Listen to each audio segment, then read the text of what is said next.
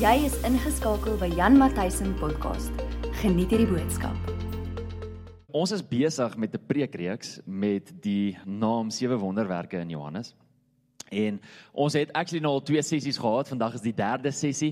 En ek wil jou aanraai, as jy nog nie na die vorige twee gekyk het nie, asseblief gaan maak 'n draai. Jy's welkom om dit te gaan kyk op ons Facebookblad. Jy kan dit gaan kyk op YouTube, ons ons YouTube channel of selfs op podcast. Op enige een van daai drie geleenthede of platforms kan jy gaan kyk, gaan luister die vorige twee. Ek beloof jou, jy gaan gebless wees. Ons gaan vandag stil staan by die derde gedeelte en dit is in Johannes 5. So ek wil vir jou vra daar waar jy is in jou sitkamer, in jou kombuis, in jou bed, daar's niks fout daarmee dat jy nou nog in jou bed is nie. Dit is lekker koel cool vir oggend. So dis 100% fyn. Waar ook al jy is, kry jou Bybel reg, kry jou notaboek reg, want dit is so belangrik vir ons om seker te maak dat ons notas neem en dit wat die Heilige Gees op ons harte druk, dit neerskryf, want anders gaan ons dit vergeet. Ons is in Johannes 5. En ek wil vir ons die hele gedeelte lees. Die vorige kere het ek dit gelees en gepraat, gelees en gepraat. Nou gaan ek lees en dan gaan ek praat. So ek gaan dit vir ons lees en daarna gaan ek gou 'n paar gedagtetjies met ons deel rondom dit wat hier gebeur het. Alrite, so ek gee jou 'n kans, jy kry jou Bybel en dan sodra jy reg is met hom, dan gaan ons gaan ons daarmee begin. Great. So, ek lees vir ons Johannes 5 vanaf vers 1 af in die New King James vertaling. After this, there was a feast of the Jews and Jesus went up to Jerusalem. Now there's in Jerusalem by the sheep gate a pool which is called in Hebrew Bethesda having five porches. In these lay a great multitude of sick people blind, lame, paralyzed, waiting for the moving of the water. For an angel went down at a certain time into the pool and stirred up the water.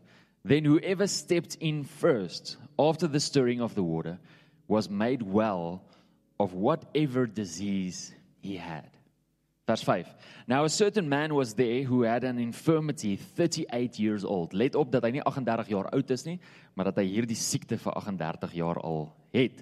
Vers 6. And when Jesus saw him lying there and knew that he already had been in that condition for a long time, he said to him, "Do you want to be made well?" And the sick man answered him and said, "Sir, I have no man to put me into the pool when the water is stirred up." But while I am coming, another steps down before me. And Jesus said to him, Rise, take up your bed, and walk. And immediately the man was made well, took up his bed, and walked. And that day was the Sabbath. Dun, dun, dun. And the Jews therefore said to him who was cured, It is the Sabbath. It is not lawful for you to carry your bed. And he answered them and said, He who made me well said to me, Take up your bed and walk. And they asked him, Who is the man who said this to you? Take up your bed and walk. But the one who was healed did not know who it was, for Jesus had withdrawn, a multitude being in that place. Verse 14. Afterward, Jesus found him in the temple and said to him, See, you have been made well. Sin no more lest a worse thing come upon you. And the man departed and told the Jews that it was Jesus who had made him well. Ons lees net tot daarso. Nou familie, begin met die geleentheid om net 'n paar goedjies met julle te deel rondom dit wat ons hierso lees. Ek wil eerstens net vir elke een van julle sê, pas op vir familiariteit wanneer kom by skrifgedeeltes. Dis so belangrik om te weet en onsself oop te kan stel en ons gemoed oop te kan stel vir Heilige Gees om met ons te kan kom praat. Veral wanneer ons gedeeltes in die skrif al ongelooflik baie gehoor het. Nou ek weet ons het mense in ons familie wat letterlik al 50 jaar deel is van hierdie gemeente. Ons gemeente is al 54 jaar oud hierdie jaar en ons mense wat al 50 jaar deel is van hierdie gemeente. En ek kan julle beloof in die laaste 50 jaar sou een of ander pastoor gepreek het oor hierdie boodskap. Luister na dit wat die Heilige Gees vir julle wil sê in hierdie tyd. OK, so die eerste ding wat ek net wil sê is die volgende. Ons sien hier dat Jesus Jerusalem toe gaan omdat daar 'n fees was. Nou hierdie is in sigself 'n ongelooflike profound ding want hoor gou hier. Die een waaroor die fees te gaan is by die fees. Die fees te gaan oor hom en hy self is by die fees. Ek weet nie of jy weet hoe profound dit is nie, want glo my die mense wat daar was by die fees en Jesus daar gesien het en beleef het, het dit nie verstaan nie. Maar ons weet wanneer ons kyk na die Bybel dat daar sewe feeste was wat die Jode onderhou het in daardie tyd. Ons kyk na die Pasga of wat jy noem Passover, the feast of unleavened bread, the feast of first fruits, the feast of Pentecost, the feast of trumpets, the day of atonement and the feast of tabernacles. Hierdie sewe.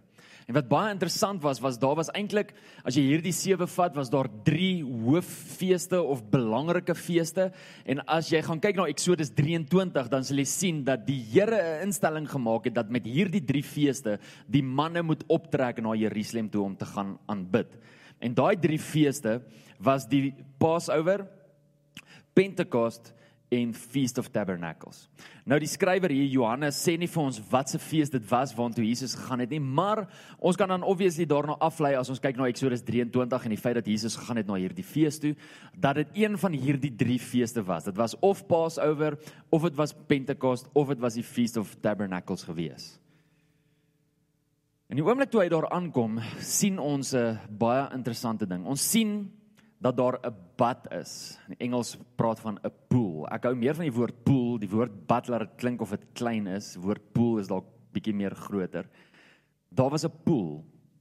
En hierdie pool was by die plek gewees wat hulle naam the sheep gate. Jou Afrikaanse vertaling sê die skaapspoort. The sheep gate. Nou hoor gou hierdie amazing gedeelte wat Jesus van homself sê in Johannes 10 vers 7. Jesus Skus, ek dog ek lees 'n Engelse vertaling. Jesus het toe weer vir hulle gesê: "Voorwaar, voorwaar, ek sê vir julle, ek is die deur van die skape." Nou, ek het nou net gesê hoe amazing is dit die feit dat Jesus waar die fees te gaan eintlik by die fees is. Maar kyk hoe amazing is hierdie ook dat die ingang wat hulle noem the sheep gate of die skaapspoort, dit was letterlik 'n ingang gewees waar die skape in en uit gegaan het. Dis hoekom hulle dit genoem het the sheep's gate. Nie figuurlike skape nie, letterlike skape het daar in en uit gegaan.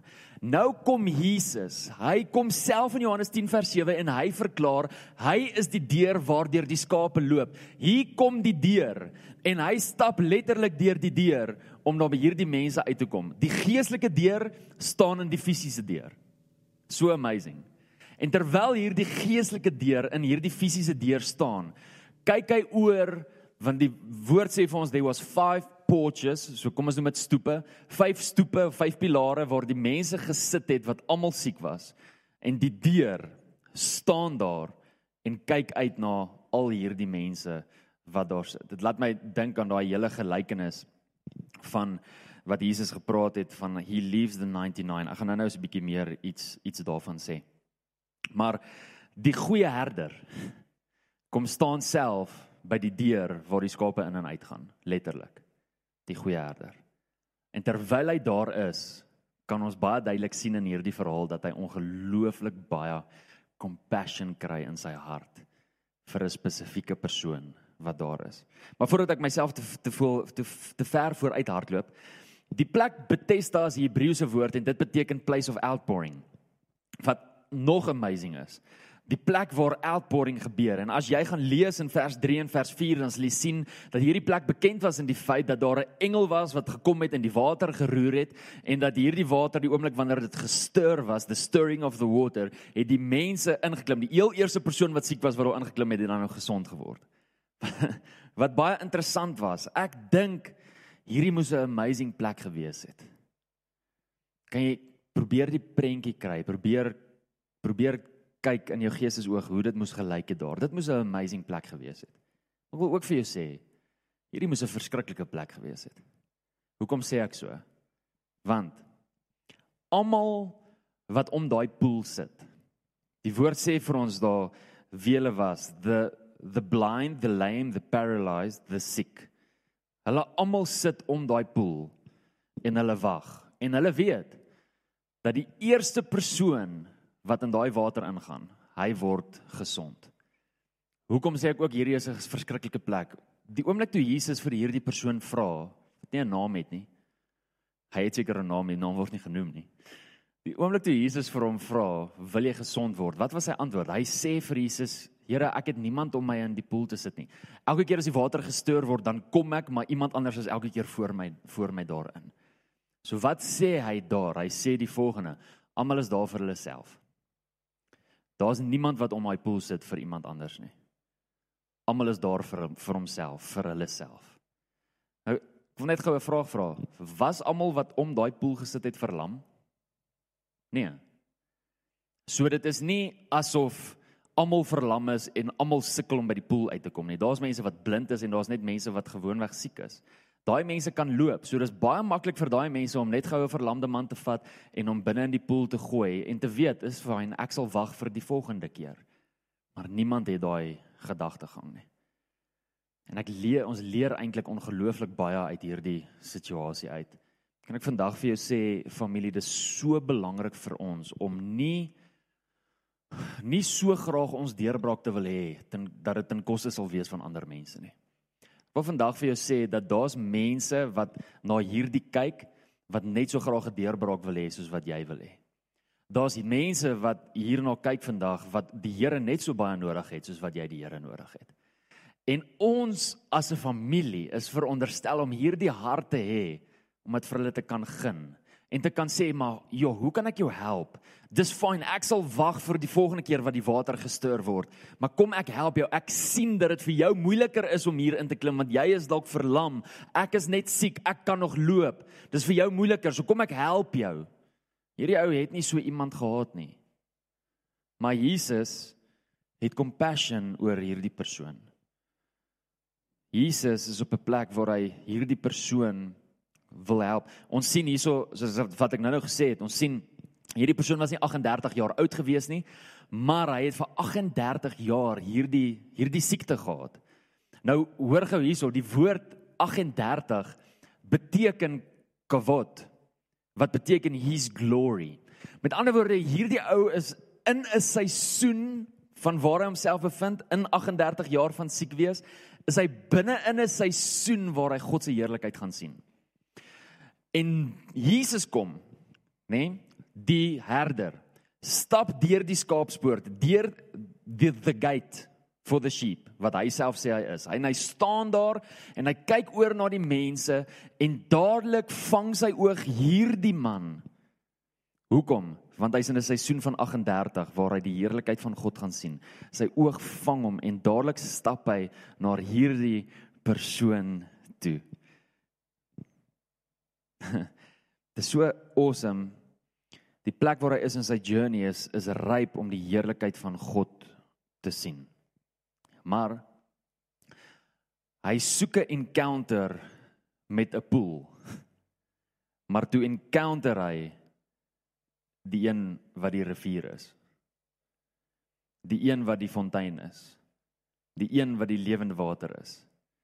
Hy's daar want hy wil in die pool klim. Maar toe het hy 'n baie groter encounter as net 'n pool. Hy het die encounter met die lewende waters. Ek wil vir jou sê dat hierdie eintlik 'n manifestasie is van dit wat staan in Johannes 7. In Johannes 7 kom Jesus en hy verduidelik die Heilige Gees en hy sê die wat as die, die oomblik die wat glo die oomblik wanneer die Heilige Gees binne in jou gaan woon, gaan binne in jou wees soos waters van riviere. Jesus is letterlik die manifestasie hiervan. Hy kom wys vir ons dat daar hy wag nie vir 'n stirring nie. Die mense wat daar is wag vir 'n stirring, maar Jesus wag nie vir 'n stirring nie. Jesus is die stirring. En soveel keer is dit nodig vir ons as gelowiges om die stirring te wees in plaas daarvan om te wag vir die stirring. Ek dink ons wag heeltemal te veel vir iemand anders om iets te doen of vir die Here om iets te kom doen deur 'n engel wat supernaturally is wat hy kan doen om iets te kan kom doen. Maar Jesus staan daar, hy weet wat daar kan gebeur. Ek meen hy is die een wat die engele gemaak het. Hy weet wat daar gebeur. Hy is teen teen en agter dit alles, maar hy wag nie vir 'n engel nie. Hy kon net sowel daar gesit het en gesê het, "Oké, okay, ek gaan laat die engel langer roer vandag. Almal van julle wat siek is, klim in."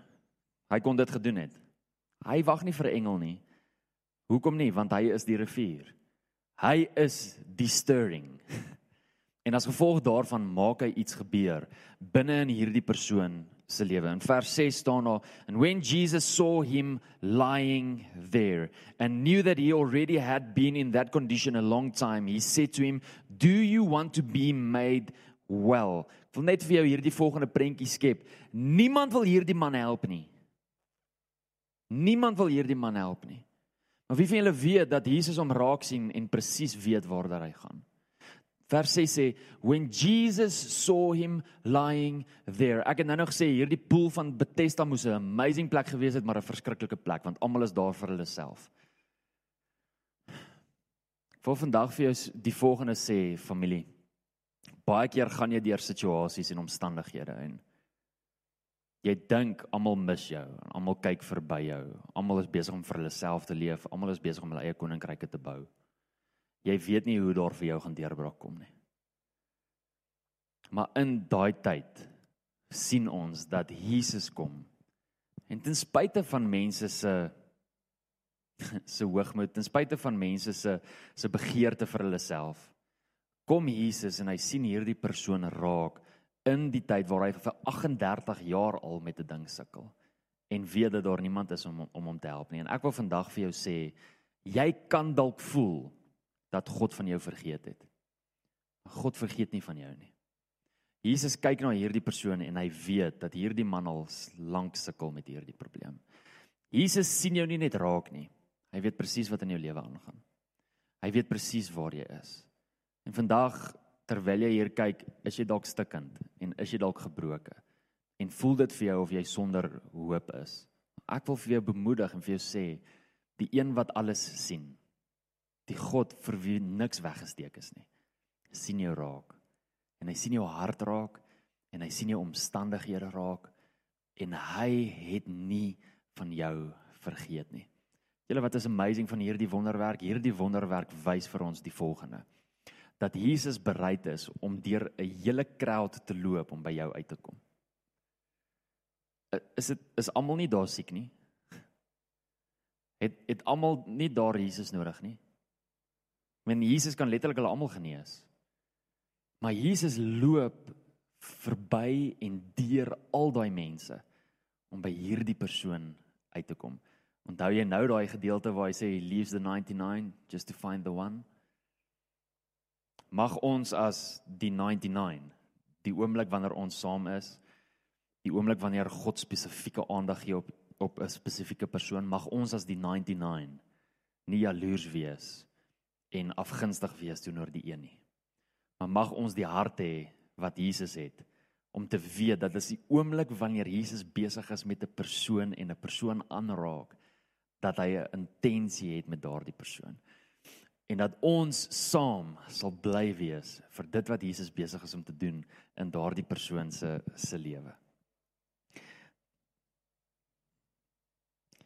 So amazing dat Jesus sê vir hom Hy sê rise take up your bed and walk. En net op Jesus se woorde word hierdie man gesond. Ons het partykeer so 'n religious mindset dat ons moet hande oplê. Um en in hierdie tyd wat die regulasies en die reëls van so aard is dat ons nie eers hande mag oplê nie op mense nie die oomblik wanneer ons vir hulle bid, wil ek net vandag vir jou sê hande oplê bring nie die wonderwerk nie, God bring die wonderwerk. En Jesus kom hier en hy spreek net 'n woord sonder om hande op te lê, sonder om enigiets te sê. Hierdie ou moes nie eers gaan om vergifnis vra of enigiets doen nie. Jesus is daar, die manifestasie van genade, die manifestasie van van God staan voor hierdie persoon en hy sê vir hom staan op, vat jou bed, loop. En net op daai woord word hierdie persoon gesond. Onthou nou wat ek laas week laasweek met julle gedeel het. As jy dit nie gaan kyk het nie, gaan kyk dit asseblief.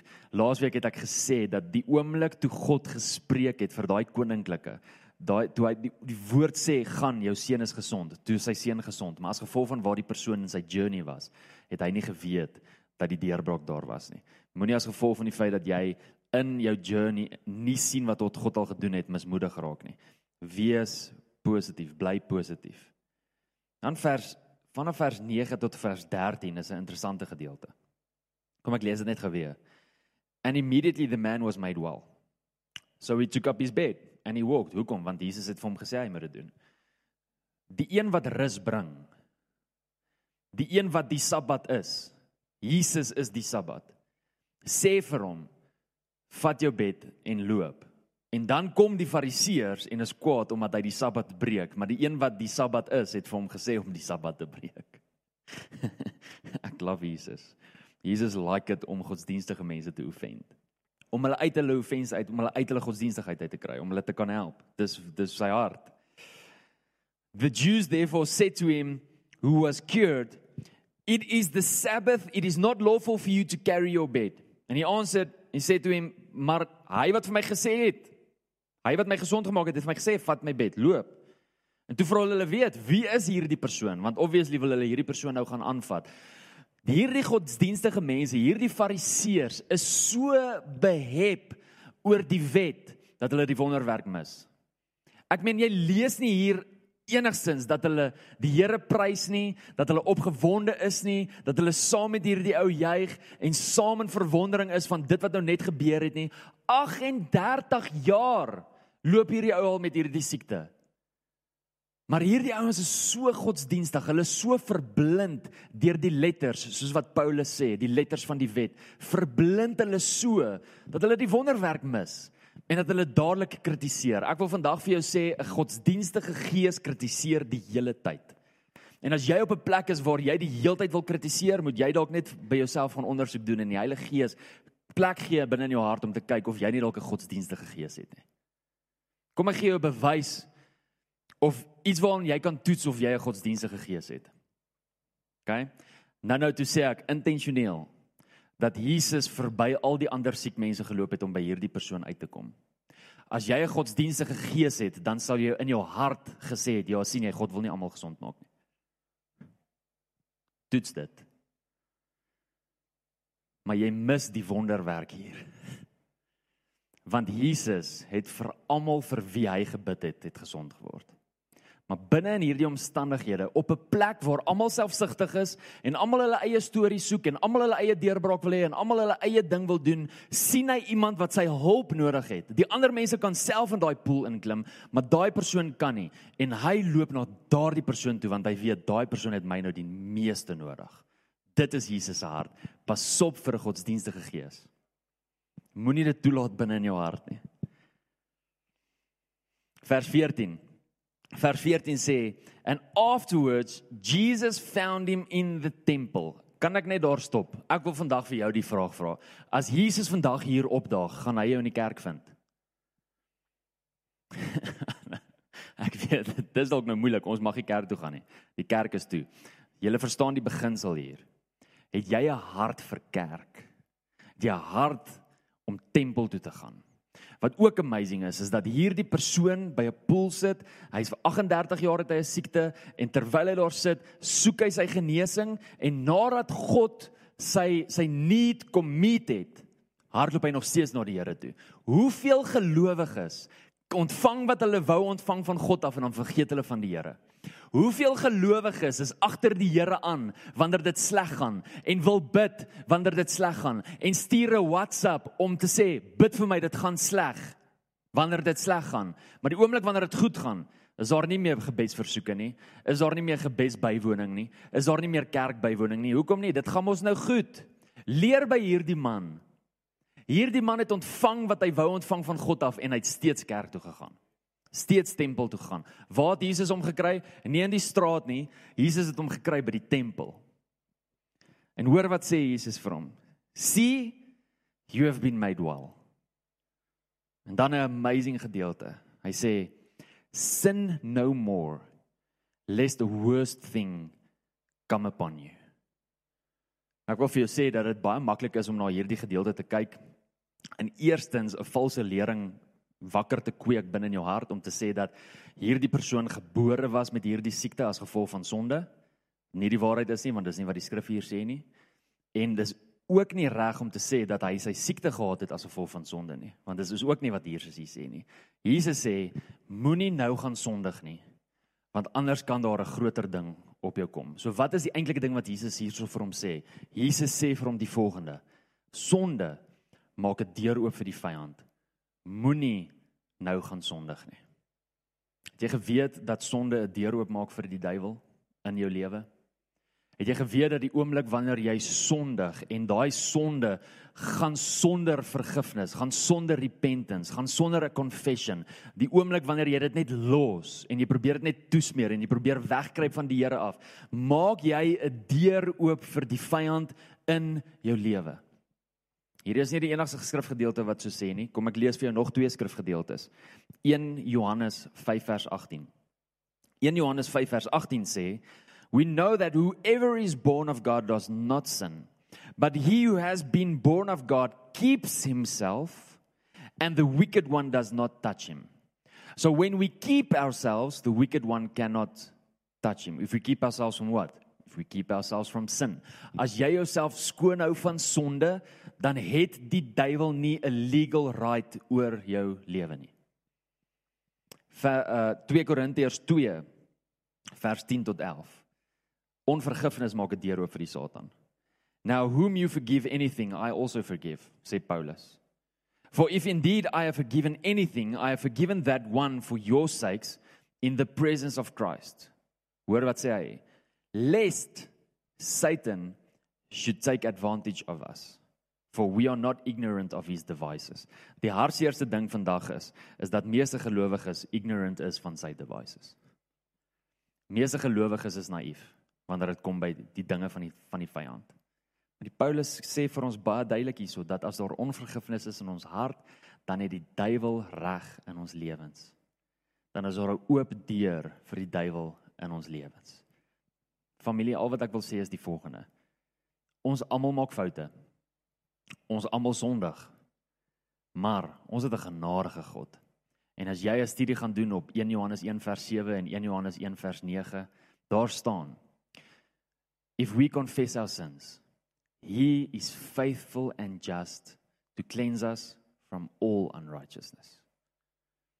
Dit is wat ons kan doen, net na hom toe gaan, na hom toe hardloop. Godsdienstigheid sê ek het gesondig, ek moet gaan weghardloop. Verhouding sê ek het gesondig, ek moet na my pa toe hardloop. Onthou dit. En dan die laaste gedeelte. The man departed and told the Jews that it was Jesus who had made him well. Hierdie man het die Jode gaan vertel dat wat Jesus gedoen het. Familie, dit is so belangrik vir ons om te getuig. Pastor Thys het dit Woensdag met ons gedeel op sy devotional hoe belangrik dit is om getuienis te deel en ek wil jou vandag herinner. Getuienis is so belangrik. Hoekom? Want volgens Openbaring 19 vers 10 staan daar The testimony of Jesus is the spirit of prophecy. Die oomblik wanneer ek getuig, profeteer ek oor iemand anders se lewe dat dit moontlik is oor hulle. Die grondwoord van die woord testimony beteken do it again. Meen sekerlik moet dit vir jou iets beteken.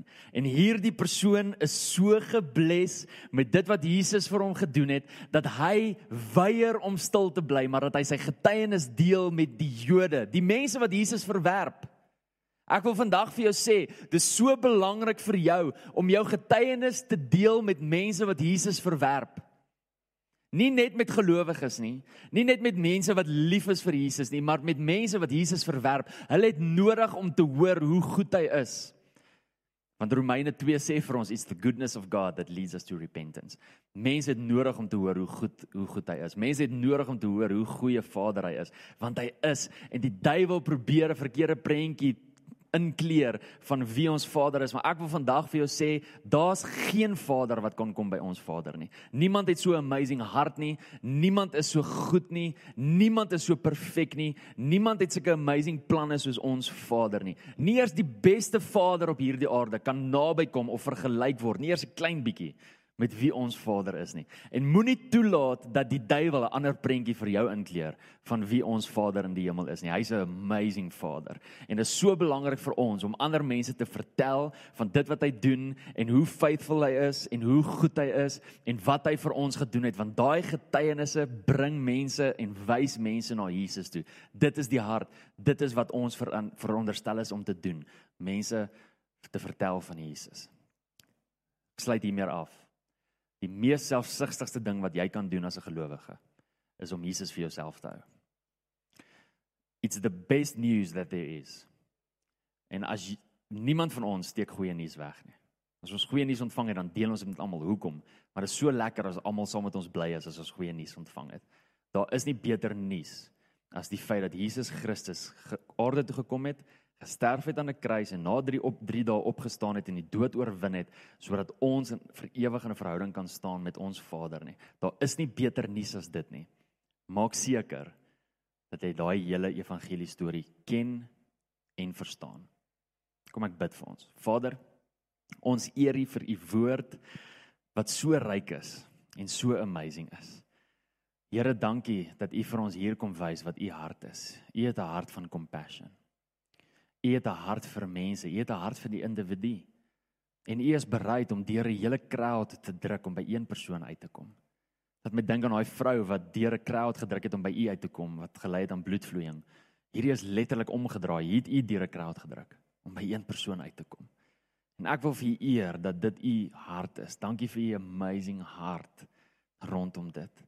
Ons eer U vandag as koning van ons lewens. Ons eer U vandag as God en ons weet dat U as God letterlik enige iets kan doen want U is die God van die bonatuurlike. En vandag bid ek hoop oor elke persoon en ek bid 'n seën oor elke persoon wat hierna kyk. Bless die mense, Here. Bless elke persoon se besighede. Bless elke persoon se finansies. Bless elke persoon se gesondheid. Bless elke persoon se verhoudinge.